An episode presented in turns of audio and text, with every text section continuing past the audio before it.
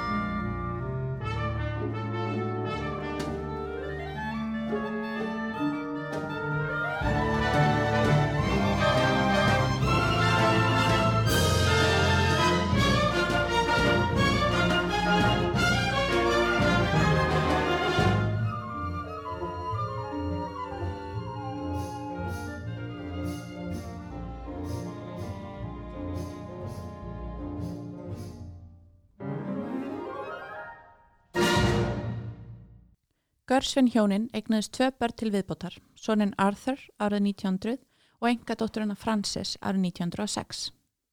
Fyrstu ár æfi Görsvin voru sambarleg því sem týðgæðist hjá börnum í New York á þessum tíma, mikil útivera, alltaf eitthvað að fýblast á göttumborgarinnar, Hann var mikið á línuskautum og var vist algjör snillingur á þeim og þá maður hugsa sér að atvinnu línuskautari hefði kannski geta verið varaplan ef hann hefði ekki meikaði í tónlist. Fjölskyldan flutti oft þar sem Morris skipti oft um vinnu. Meðal jafnaldra sinna var Görsvin oft kallar cheesecake því á einhverjum tímapunkti hafði pappans átt bakari. Það voru engir tónlistamenn í Görsvin-ættinni og Rose og Morris höfðu takmarkaðan áhuga tónlist. Svo að til tíu ára aldurs lifði Görsvin svo gott sem tónlistarsnauðu lífi. En þegar hann var tíu ára fekk hann hugljómun þegar hann heyrði vinsinn æfa sig á fylgu. Þetta væri sko eitthvað sem hann hefði áhuga að tjekka á. Svo hann fór að æfa sig á piano í laumi, hvar sem hann komst í slíkan dýrgrip. Það var því mikill kvalreiki á fjörur Görsvins þegar fóldrar hans fengu þá flugu í höfuðið að láta Íra, stórabróður hans, læra á piano og keftu piano fyrir heimilið. Íra nendi því enganvegin, enda lág áhuga hans annar staðar þegar koma listrætni útdrás og var því mjög létt þegar hann komst varlega að til að spila á píanóið sögum þess hver Estur Görsvin var að fá að spila. En það var mikið feimnismál á strætum Brúklin á þessum tíma að hafa áhuga á tónlist og Görsvin átti hættu að því að vera kallaður Sissi vinnur hans kemist að því að hann var að eigða frítíma sínum í að spila píanóið. Árið 1913 hóf hann formlegt píanónám hjá Charles Hambitzer, tónskaldi og píanókennara af rúsneskum ættum sem kynntan fyrir evróskum kanunum klassiska tónlistar á borð við Chopin og Liszt, aukens franska Debussy sem var mjög vinsall að þessum tíma. Hann kent honum hefðbundna tækni á píanóið sem hann átti eftir að beita til í apps við jazztækni sem tröllreið bandarískri tónlistasinni á þessum árum. Hambitzer var tónlistarleipanandi Görsvins þar til hann lést árið 1918 úr Berklum. Þegar Görsvin var 15 ára nefndi hann þessu skólabrasi ekki lengur og hætti í skóla og fekk strax vinnu á Tin Pan Alley, mekku tónlistar í bandaríkunum á þessum tíma sem svo kallar songplugger, sá sem spilaði tónlistina á Tin Pan Alley í vonum að einhver hefði áhuga á að kaupa réttina þenni. Auk þess fór hann sjálfur að semja tónlist á þessum tíma.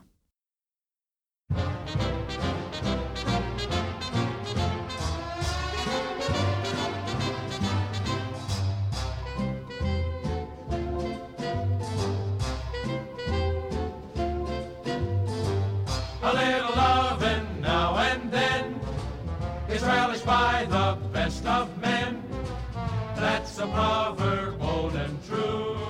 Still, somehow it's always new. A fellow wants a girly bad, but there's none to be had.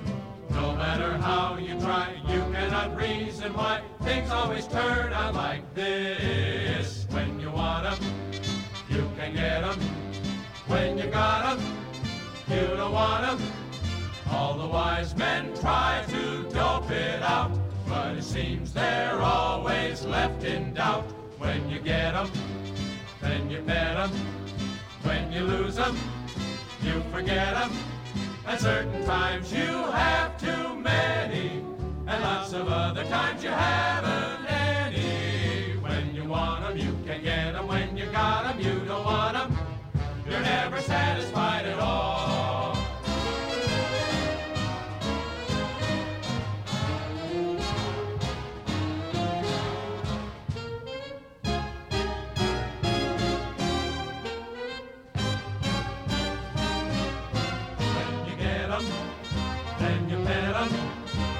you lose 'em, you forget 'em.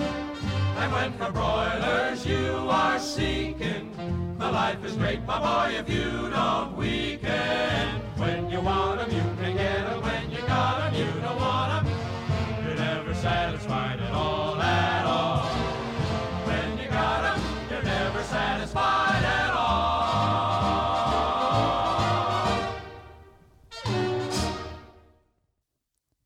Þarna heyrði við lagið When You Want Them, You Can't Get Them sem var eitt fyrsta lagið eftir Görsvin sem var gefið út. Hann sandi það þegar hann var 17 ára og vann á Tin Pan Alley og fekk hvorki meirinni minna en 50 cent í vasan fyrir það. Görsvin vakti mikla aðtikli á Tin Pan Alley og fekk fljótlega vinnu hjá The Aeolian Company við útsetningar. Þegar Görsvin var tvítur hóf hann samstarf með textahöfundinum Irving Caesar sem þá var 24 ára. Þeir félagar fóru með afurð samstarf síns til útgefanda og fenguður tilbóð tilbaka upp á 300 dólara. Þeir voru báðir orðlösir og heldu að þessi summa þýtti að þeir þurfti að punga út 300 dólarum til þess að fá tónlistina sína gefna út. Þegar útgefandin sá hvað þeir voru þegandalegir, sagði hann Ok, strákar, höfum þetta 500 dólara, þá fáðu 250 dólara á mann. Görsvin og Sísar tóku þessu tilbúið fagnandi, enda voru þetta um það vel 17 föld vikulun Görsvins á þessum tíma. Eitt af þeim lögum sem þeir sömdu saman var þetta lag hér frá árunni 1919 sem heitir Swanee. Görsvin og Sísar sömdu það á 10 mínutum um borð í strætó.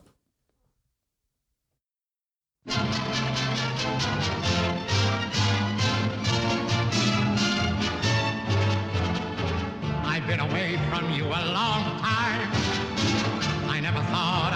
song.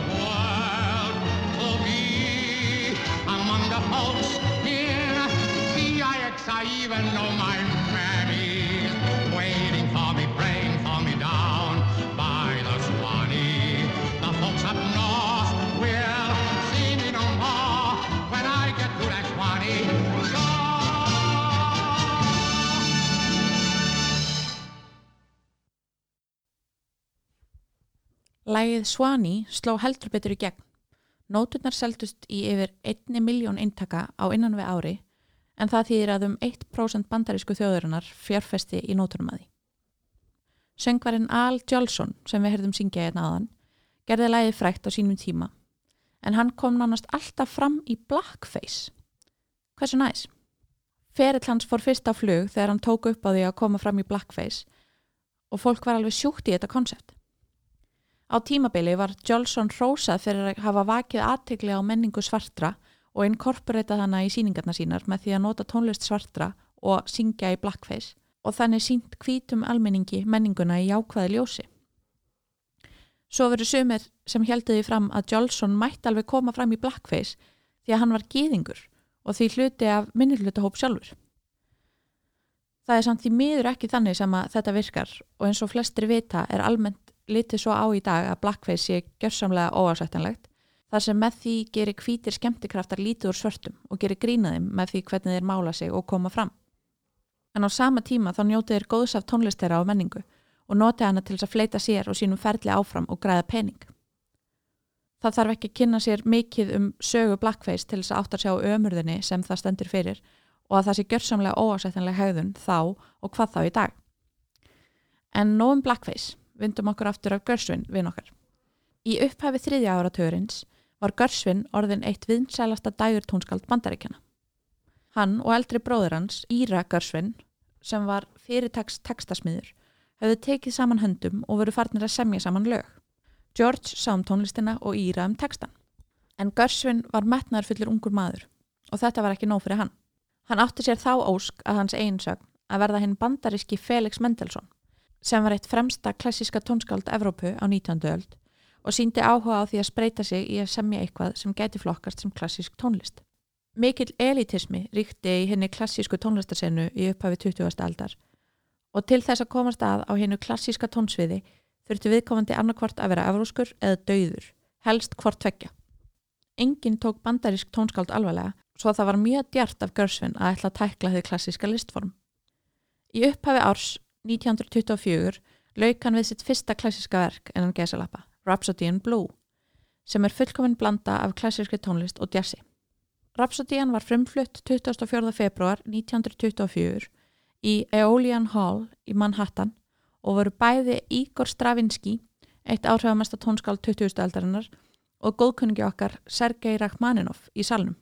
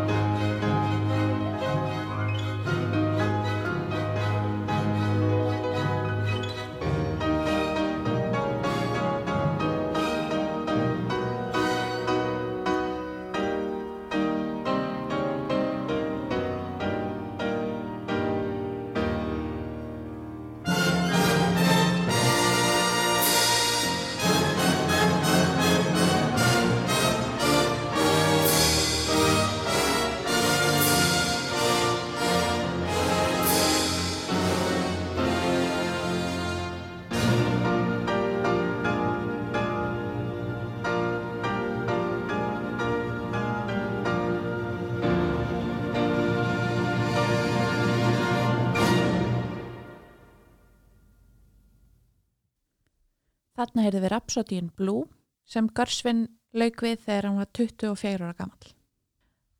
Hið klassíska tónsvið hafði aldrei orðið vitni að öðru eins. Vissulega hafði jazz og klassísk tónlist áður skarast upp að einhverju marki. Áhrif að jazz gætir í verkum manna á borð við Erik Satie, Claude Debussy og Igor Stravinsky en Rhapsody in Blue var eitthvað alveg nýtt og viðbröðin voru eftir því. Sömur gaggrinundur átt ekki orð yfir frumleika, ferskleika og hæfileikum gersvind á meðan aðrir voru meður um prest. Eftirfarandi er haft eftir einum gaggrinunda.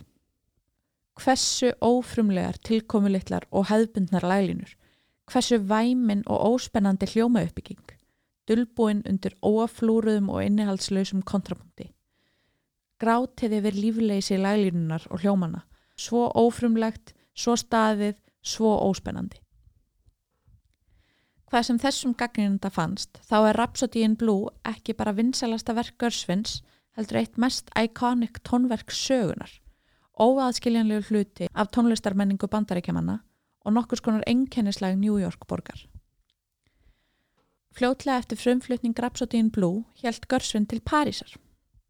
Hann vonaðist þar til að útvega sér dekari leiðsögn í klassískum tónsmíðum og byðlaði bæði til Nadia Boulanger og Maurice Ravel um að þau kendunum.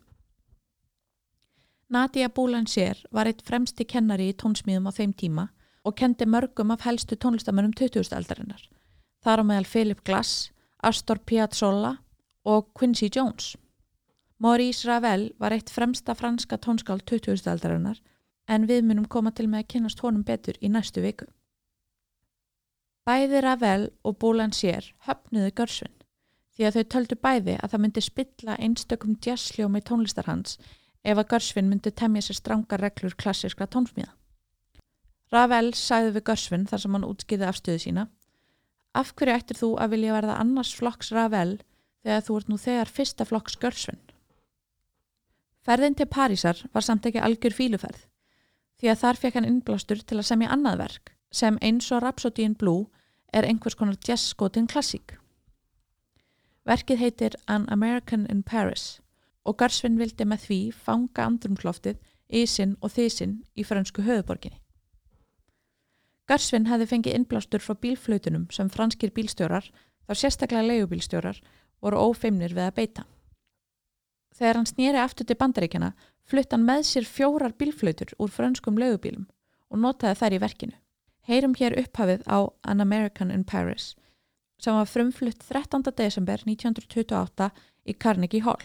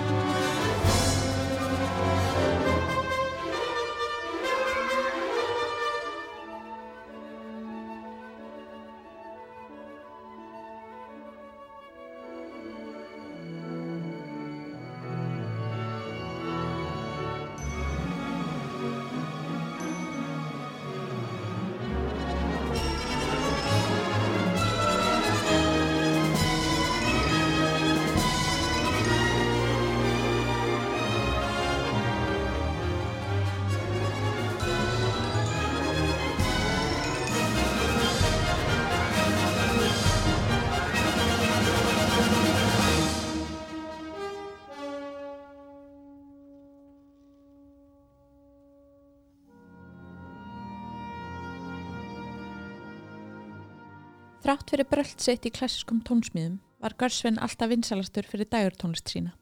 Hann hafði enga síður ríka þörf fyrir að semja eitthvað sem hafði meira vægi en það. Ást hans á Jesse hafði vakið áhuga hans á kultúr svartra í bandarækinum og í upphafi fjórða áratugurins fekk hann þá flugu í höfuðið að semja óperu sem var í byggð á menningu svartra í bandarækinum. Hann fór til Suður Karolínu og lagði sig þar fram við að kynnast betur menningu þeirra og daldi þar í 20 mánuði á meðan hann samti óperuna. Árið 1935 var óperan Porgy and Bess tilbúin en hún var frumsýn 30. september 1935. Óperan er beigð á bók eftir rithöfundin Du Bose Hayward og Ira Gersvin hjálpaði til við að aðlega handritið að óperuforminu. Porgy and Bess er á marga vegu byltingakend ópera. Bæði var hún, eins og flest annað sem Gersvin samti, einstök blanda af klassísku tónlist, jazz og dægurtónlist. Svo tónlistarspekulantar vissu ekkert hvað þeir átt að gera við hana. Svo var það annað og vega meira og það var það að allt kastið voru klassíst mentaðir svartir söngarar. Þegar sá kvittur komst á kreik að Görsvin, eitt vinsalasta tónskáld þessa tíma, væri að semja óperu, urðu forsvarsmenn Metropolitan óperunar í New York vægasagt spendir og buðist til þess að hýsa uppsetninguna. Görsvin hafnaði þessu tilbóði. Bæði vegna þess að það erði líklega ekki tekið vel í þá hugmynd hans að láta leikópin bara samanstanda af svörtum söngurum en einni út af því að hann sá fyrir sér að þessi ópera ætti erindi við alla og vildi ná til allra samfélagshópa, sérstaklega þeirra sem áttu ekki erindi í Metropolitan óperuna. Óperan var því frumsynd í Colonial Theatre í Boston og þegar frumsynningunum var lokið stóð uppklappið í rúmar 15 mínútur.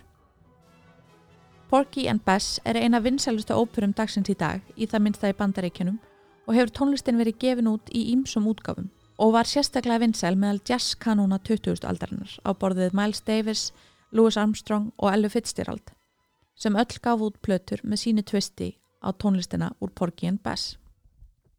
Frægasta verkið úr óperunni er líklega þetta hér sem flestir ætti að kannast við.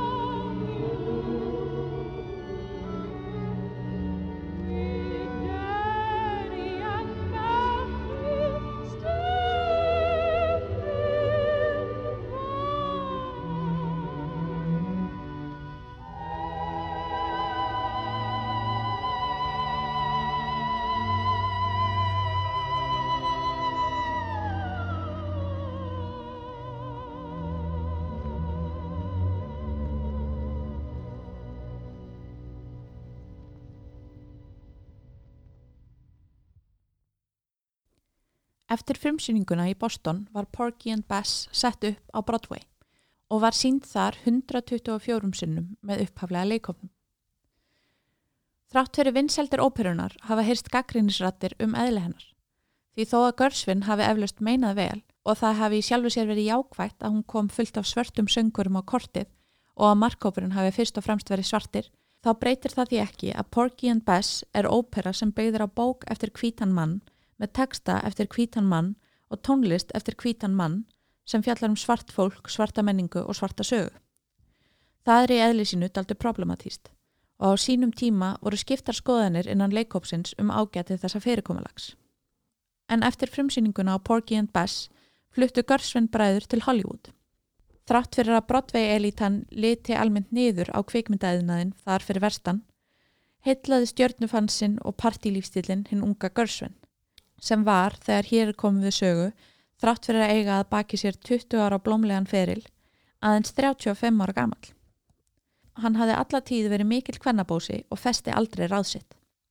Hann elskaði gott partí og var hrókur alls fagnar.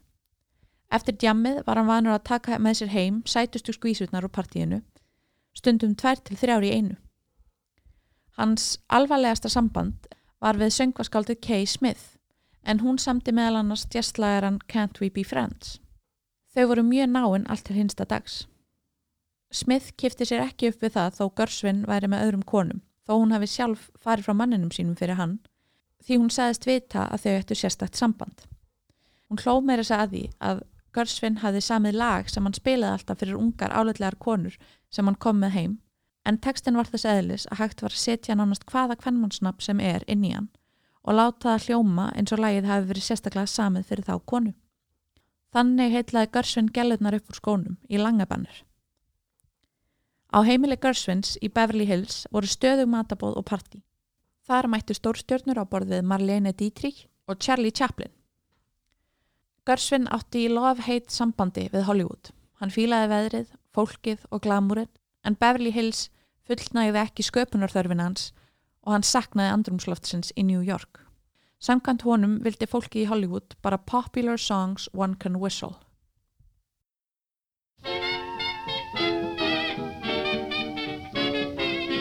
I got rhythm, I got music, I got my man who could ask for anything more. I got in green pastures, I got my man who could ask for anything more.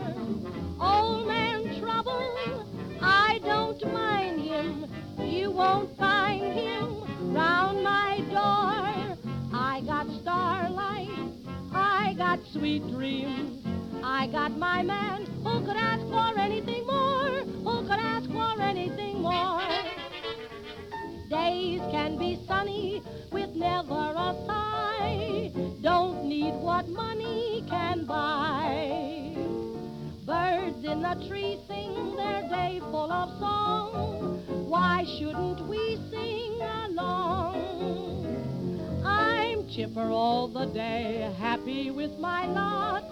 How do I get that way? Look at what I've got. I got rhythm, and I've got music. I got my man who could ask for anything more. I've got daisies, but they're in green pastures.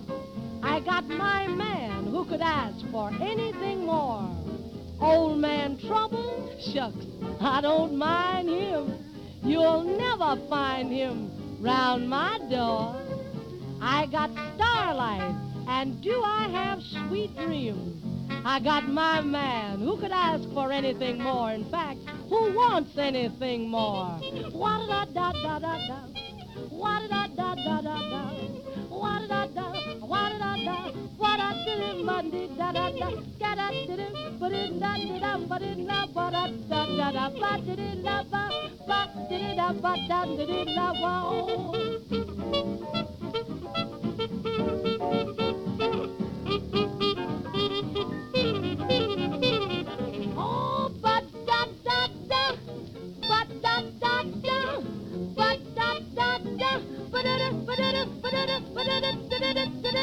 I'm saying I got rhythm, I got music, I got my man who could ask for anything more. Lord, I got daisies and they're green pastures.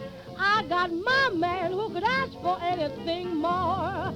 Old man trouble, I don't mind him. You won't find him my door.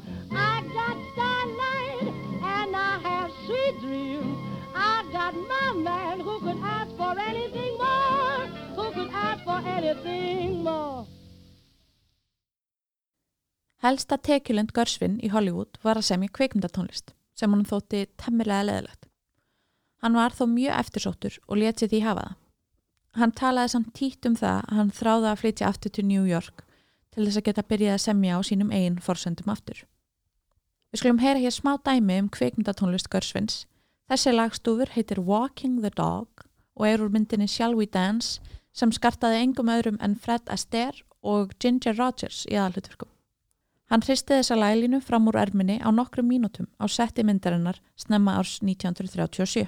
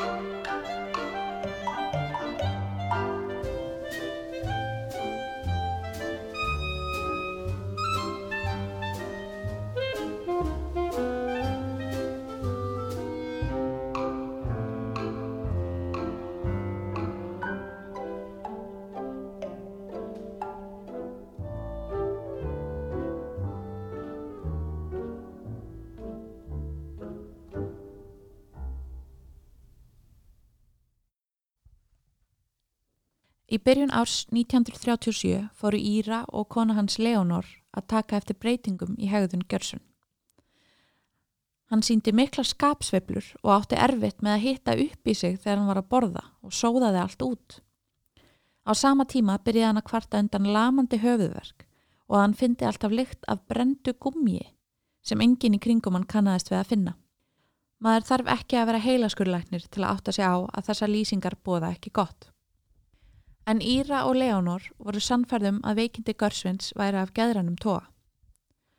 Í februar, þegar Görsvin hjælt tónleika á samt symfoníuljómsett San Francisco, fór hann í algjört blackout og myndi ekki hvað hann átt að spila og náði ekki að samhæfa hendur sínar. Þetta var mjög ólíkt honum, þar sem hann var þekktur fyrir að vera eitt pottjættasti píjónuleikari í heimi. Það var greinilega eitthvað alveglegt að. Þann 9. júli 1937 leið yfir Görsvin og í kjölfarið fjallan í dá. Það var ekki fyrir þá sem að læknandir hans föttuðu að hann var með heilaæksli. Leonor hafði samband við vinn Garsvins sem var með góð sambönd og sagði honum að þörf væri á besta heilaskurlækni sem völ er á til Los Angeles tafarlöst því að Garsvin væri nær döiða en lífi. Heilaskurlæknirinn sem umrætti var Dr. Walter Dandy sem er talin einna feðrum nútíma heilaskurlækninga en hann var á þeim tímapunkti út fyrir ströndum Maryland á hinum enda bandaríkjana að veiða með félaga sínum fylgistjóra Maryland. En vinur Garsvin stó ekki ráðalaus heldur hringdi í kvítahúsið og fekk þá til að senda The Coast Guard út í snekju Dandís. Dandi var svo flóið með engaþótu frá Newark flugvelli til Los Angeles. Hann framkvæmdi aðgerð á Garsvin svo gott sem um leið og hann lappaði inn um dyrnar. Við uppskurðin kom í ljós að Garsvin var með glioblastoma sem er skæðasta útgáfan af heilakrabba minni. Dandi fjarlæði eksli á stærði hafnabolta úr höfðunu á Garsvin en hann lifði aðgerðina því miður ekki af og lést 11. júli 1937 aðeins 38 ára gamal. Andlat hans kom eins og þrjum ár heiðskýru lofti og vinir hans, ættingjar, tónlistarsena bandaríkjana og þjóðin öll var í losti. Yfir 4000 manns mættu á jarðaföruna. Eftirfarandi var haft eftir rítöndinum John O'Hara sem var vinur Gersvins. George Gershwin died on July 11th, 1937 but I don't have to believe it if I don't want to. Gersvin var lagður til hinstu kvílu í grafhísi Gersvin fjölskyldunar í Westchester Hills Cemetery í Hastings on Hudson í New York fylki.